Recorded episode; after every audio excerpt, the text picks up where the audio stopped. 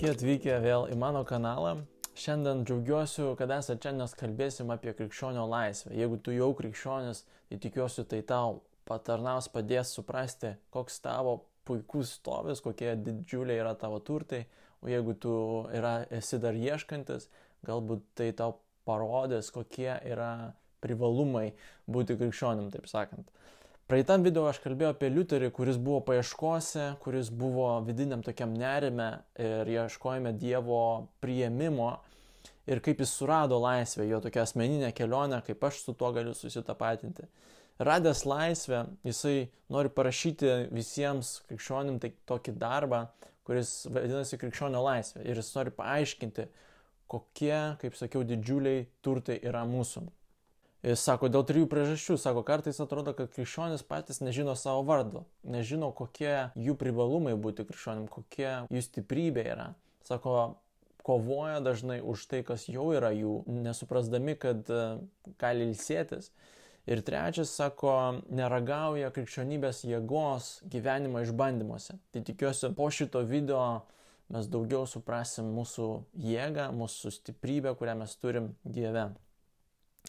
Liuteris sako, krikščionis yra laisvas nuo visų dalykų, yra šeimininkas ir niekam nepavaldus. Krikščionis yra visų paklusnus tarnas ir pavaldus kiekvienam. Tuo pat metu du atrodo priešingai dalykai, ar ne? Taigi šitam video mes kalbėsime apie krikščionio laisvę, kaip jis laisvas nuo visų dalykų, kaip jis yra šeimininkas ir niekam nepavaldus, o kitam aš kalbėsiu apie tai, ką reiškia, kad jis paklusnus tarnas yra. Taigi aš pabandysiu atsakyti tris klausimus šiame video. Pirmas yra, kodėl krikščionis laisvas nuo darbų? Kame tikėjimo toks stiprumas? Antras klausimas, kodėl jisai yra virš darbų? Kodėl tikėjimas yra stipresnis už darbus ir atlieka visų darbų paskirti, taip sakant? Kodėl tikėjimo vien pakanka? Ir trečias klausimas, panašus, kokie tikėjimo privalumai. Ir čia mes kalbėsime apie tai, kad tikėjimu vien mes galim labiausiai pašlovinti Dievą, tai yra jeigu mes norim šlovinti Dievą, turi, turim tai daryti tikėjimu. Taip pat tikėjimas suvienyje sielą su Kristumi, ko darbas joks negali padaryti. Ir suviendamas mūsų jis padaro mus karaliais ir kunigais. Ir mes pakalbėsime apie tai, ką tai reiškia. Bet pradedant nuo pradžios, nuo pirmo klausimo, krikščionis laisvas nuo visų dalykų, tai yra ir nuo darbų. Kodėl krikščionis laisvas nuo darbų? Liuteris sako, šitą dalyką galima paaiškinti labai paprastai. Kadangi yra žmonių, kurie dvasiškai yra tušti, taip sakant, neturi santykio su Dievu, bet jų aplinkybės yra puikios, jie yra laisvi, jie yra sveiki, džiaugsmingi netgi o santykio su Dievu neturi. Ir yra atvirkščiai žmonių, kurie turi santykį su Dievu, jų siela pažįsta Dievą, bet aplinkybės jų yra blogos, tai yra jie kalėjime ar serga, neturi laisvės, bet pažįsta Dievą, mes matom, kad nėra sąsajo tarp išorinės aplinkos ir mūsų sielos būklės. Tai reiškia, kad mūsų sielos būklė pagerinti arba išlaisvinti sielą mums reikalingas dvasinis kažkoks tai veiksmas, mums reikalinga dvasinė įtaka.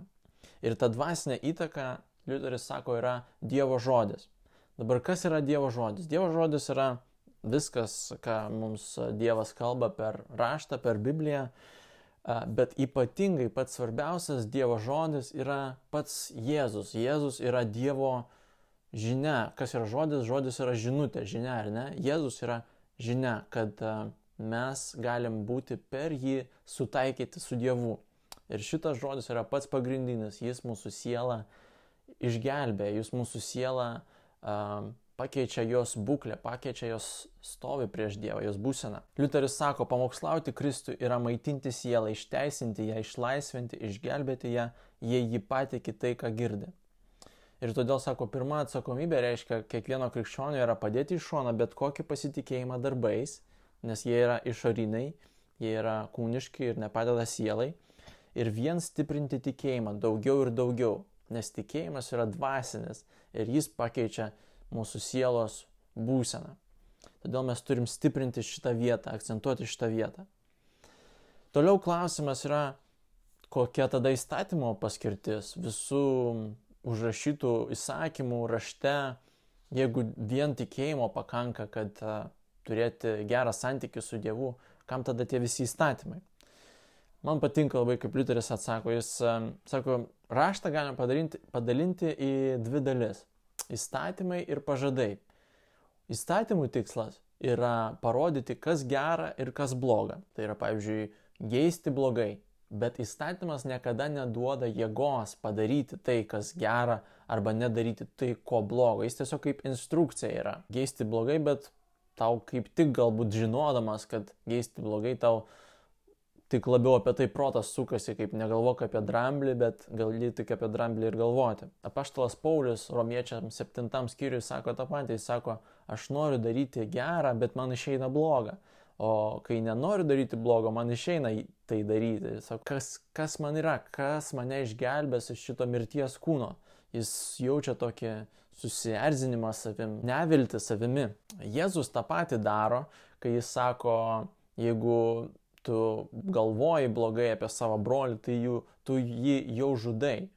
Jeigu tavo ranka verčia tave nusidėti, tu jį, turi ją nukirsti. E, jeigu tavo akis verčia tave nusidėti, turi ją išlūpti.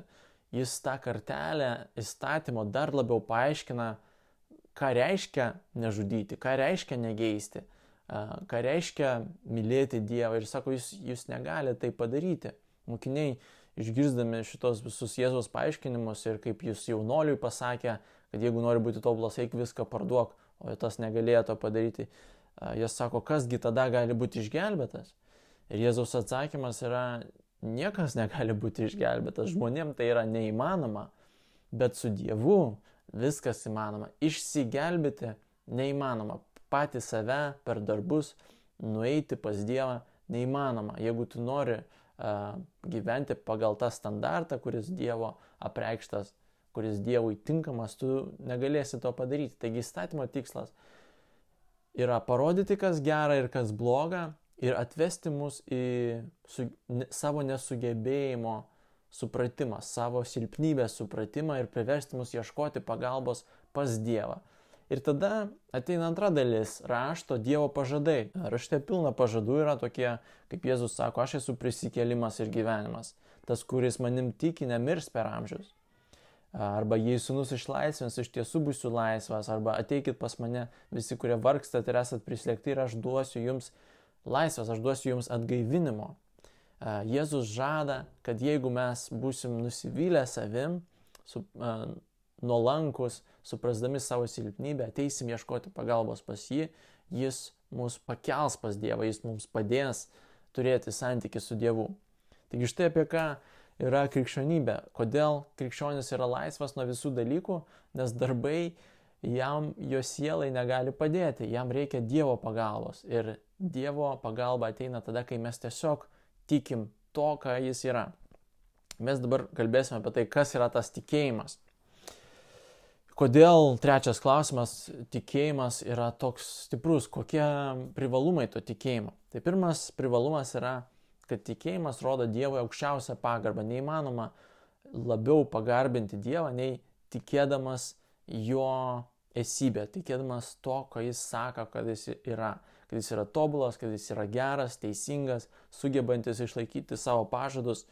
Liuteris sako, Tai yra didžiausia pagarba tikėti, kad kažkas yra geras ir, ir tobulas ir galingas, o ne pagarba didžiausia yra tikėti, kad kažkas yra melagis, blogas, e, nesilaikantis savo žodžio. Ir taip pat su Dievu, kai mes netikim, kad Jis teisus, kad tai, ką Jis pasakė apie save, kad e, Jėzus yra išgelbimas, kai mes to netikim, mes negerbėm Dievo. Jis sako dar, kad jeigu tu darysi netgi angeliškus darbus, bet tavo tikėjimo Dievo gerumu nebus, tai tie darbai, jie yra tušti. Taigi darbai, kad turėti vertę, turi ateiti iš vidinio turinio, iš mūsų tikėjimo turinio. Man, man labai patika šitas jo pasakymas. Net jei esi pilnas gerų darbų, nuo galvos iki kojų, tu dar nesi teisus ir nepagarbini Dievo. Ir taip neįvykdai pirmojo įsakymą. Tai yra mylėti Dievą nes Dievą neįmanoma pagarbinti kitaip, kaip tik pripažįstant jam visą ištikimybę ir darybės, kurios iš tiesų yra jo. To neįmanoma atlikti darbais, bet tik širdies tikėjimu. Taigi aukščiausias garbinimas yra tikėjimas to, kas Dievas yra, pripažinimas jo galybės, jo grožio, jo stiprybės, jo teisumo. Ir tada visi darbai, kurie išeina iš to tikėjimo, ką mes tikim apie Dievą, jie yra e, iš tikrųjų verti, o tie, kas, kurie padaryti tiesiog dėl to, kad mes taip norim, arba pagalvojom, kad tai mūsų kažkaip pagerins būklę prieš Dievą, bet ne iš tikėjimo, kad Dievas geras, jie yra tušti. Ir kai mes tai darom, Dievas mus pagarbina atgal.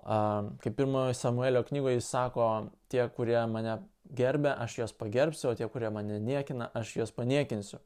Abromo tikėjimas buvo jam įskaitytas į teisumą. Kodėl? Nes Abromas patikėjo, kad Dievas yra galingas išlaikyti savo pažadus, kad Abromas patikėjo, kad Dievas nėra melagis, nors jis nematė tų pažadų ir nežinojo, kur eina, kai sekė dievų, išėjo iš savo namų, bet jis tikėjo, kad dievų galima pasitikėti. Ir tai buvo įskaityta atgal Abromui į teisumą. Ir tas pats bus ir mums, kai mes tikim, kad Dievas yra a, tas, kuris jis sako, kad yra, mums yra atgal įskaitytas teisumas ir pagarba. Taigi mes turim žiūrėti, ką mes tikim apie Dievą, kokius dalykus mes tikim, kokie dalykai mūsų prote ar širdį pagarbina jį ir kokie dalykai laiko jį melagio, kad pas mus tiesa. Galbūt mes galvojam, kad kažką dar galim padaryti, kad jam labiau patikti. Galbūt mes netikim, kad jis pasirūpins mums, mumis, kaip jis sakė. Antras privalumas yra, kad jis suvienyje, tikėjimas suvienyje sielą su Kristumi. Joks darbas negali mūsų sielą suvienyti su Kristumi. Darbas negali būti sielos viduj, o tikėjimas gali būti sielos viduj. Ir Liuteris sako, kad tikėjimas mūsų suvienyje su Kristumi kaip žmona yra suvienima su vyru. Santoka visada buvo rašte kaip pavyzdys suvienimo tarp a, žmonių ir Dievo. Ir kas vyksta santokai? Jis sako, viskas tampa bendra. Mūsų nuodėmės tampa Kristaus, todėl jis turėjo eiti ant kryžiaus, sumokėti už mus, o jo turtai, jo rolės, jo garbė tampa mūsų. Ir tarp tų rolių ir tarp tos garbės yra jo, kaip, e, jo rolė kaip karalius ir kaip kunigas. Jis karalius, jis viską valdo, jis kunigas, jis užtaria už mus ir, ir mokina. Ir pažiūrėkim, ką reiškia mums būti karaliais. E, Petras sako, jūs esate išrinktoji giminė, karališkoji kunigystė, šventoji, šventoji tauta, ypatingi žmonės. Ką reiškia būti karaliais? Čia grįžtam vėlgi prie to Liuterio pasakymo, kad krikščionis laisvas nuo visų dalykų ir šeimininkas ir niekam nepavaldus. Tai nereiškia, kad mes fiziškai dabar esam šeimininkai pasaulyje, eisim į gatvę ir nurodinėsim žmonėm, ką daryti, nepaklusim valdžiai, nepaklusim jokiam autoritetui. Atvirkščiai, sako, kai kurie dvasininkai taip tiki, kad mes maždaug patys galingiausi ir kiečiausi dabar esam pasaulyje, bet Sako atvirkščiai, mes apaštalų ir Kristaus pavyzdžiuose matom, kad kuo labiau tu brandesnis krikščionis, tu daugiau tu kenti, tuo daugiau tu patiri skausmo ir, nelaimių, netgi mirties. Ir sako, mūsų kara, karaliavimas nėra žemiškas, jis yra dvasinis. Ką tai reiškia? Paulius sako, kad jo pašauktiems, Dievo pašauktiems krikščionim viskas išeina į gerą. Yra bet kokie dalykai, kurie anksčiau mus galėjo priversti bijoti, galėjo priversti kažką daryti, kažkaip elgtis, kažkaip paklūsti uh, savo pasirinkimus pagal aplinkybės dėlioti, dabar, sako, visi dalykai išeina mums į gerą. Kančia, išbandymai, skausmai išeina mums į gerą. Jis sako, viskas yra jūsų, ar gyvenimas, ar mirtis, ar dabartis, ar ateitis. Dabar jau viskas priklauso mums ir mes neturim lenktis nei skausmui, nei kažkokiam tai, kas mus gazdina, Mes esam dvasiškai virš visko karaliai ir viskas ateina mums patarnauti. Nežinau kaip jūs, bet aš ne visada galvoju apie kančią, kuri ateina į mano gyvenimą, kaip ateinančią patarnauti man. Aš galvoju, Dieve, kodėl man vėl aš kenčiu, vėl man taip sunku, išgelbėk mane, padėk man. Ir yra puiku būti nuoširdžiai su Dievu, bet jeigu mes tik ten liksim ir nepatikėsim tą mūsų rolę, kurią mes priimam iš Kristaus karaliaus, mes nepatirsim tos pergalingos maldos, kurią ir Dovydas meldžiasi, kai sako, Dievas mane išgelbėjo, Dievas mane išaukštino virš mano priešų.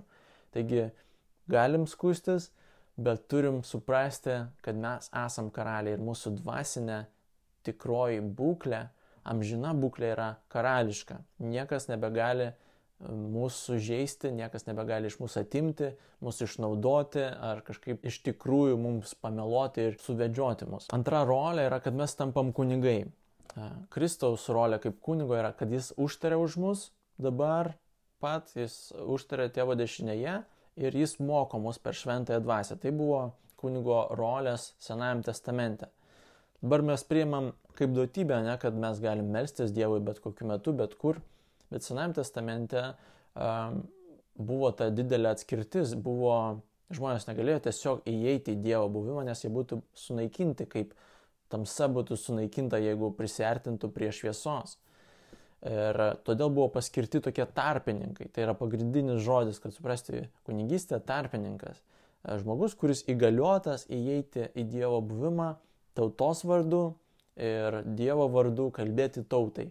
Taigi jie užtardavo, prašydavo, melsdavosi Dievui už tautą, Dievas juos girdėjo ir mokindavo tautą Dievo žodis, žodžius. Mes tapdami kunigais tampam tiltų tarp Dievo ir žmonių, tarp Dievo ir mūsų aplinkos, mūsų kaimynų, mūsų bendradarbių, draugų. Ir Dievas mums duoda privalumą, kad mes galim prašyti už juos, melstis už juos ir jis mus girdės. Ir mes taip pat galim mokyti jos e, Dievo žodžių ir e, tokiu būdu būti kunigais. Apibendrinant viską, Liuteris labai gražiai pasako tokį sakinį. Kas gali suvokti krikščionio garbę ir išaukštinimą? Naudodamasis savo karališką valdžią, jis valdo viską, o per savo kunigystę yra visagalis kartu su Dievu nes Dievas daro tai, ko jis nori ir prašo, kaip parašyta psalmėse, jis suteikia to, ko trokšta jo bijantis, išgirsta jų šauksmą ir padeda jiems. Į šią šlovę žmogus įeina tik per tikėjimą, ne per darbus. Iš viso to aišku, kodėl krikščionis yra nuo visko laisvas ir yra virš visko, nes jam nereikia jokių gerų darbų, kad būtų teisus ir išgelbėtas. Tik tikėjimas jam tai suteikia. Tikiuosi šitas video padėjo tau labiau suprasti tavo vietą pasaulyje kaip krikščionis ir ką tu turi, būdamas krikščionis, kokį stovi, kokia būklė yra tavo prieš Dievą, kokie yra tavo turtai, e, koks tu esi išaukštintas ir galingas dvasiškai ir šiame pasaulyje, susiduriant su sunkumais, būdamas Dievo vaikų, būdamas tikinčių dievų. Kitame video kalbėsime apie tai, ką reiškia, kad krikščionis yra paklusnus tarnas ir pavaldus kiekvienam. Jeigu tikėjimo pakanka, kad mūsų santykiai sutvarkyti su Dievu ir būti tokiais palaimintais, ar tai reiškia, kad mes galim tiesiog atsisėsti ir nieko nedaryti ir ilsėtis? Kaip mes turėtumėm gyventi tą savo krikščionišką gyvenimą, kuris išeina iš tikėjimo? Taigi, kad gauti pranešimą apie tą video, gali paspausti subscribe ir ten yra šalia mažas varpelis. Taip pat labai įdomu būtų išgirsti jūsų nuomonę apie tai, ką girdėjot, jūsų komentarus. Galbūt kažko nepaminėjau, galbūt kažkokie klausimai kilo, labai įdomu būtų išgirsti ir galbūt atsakyti. Iki.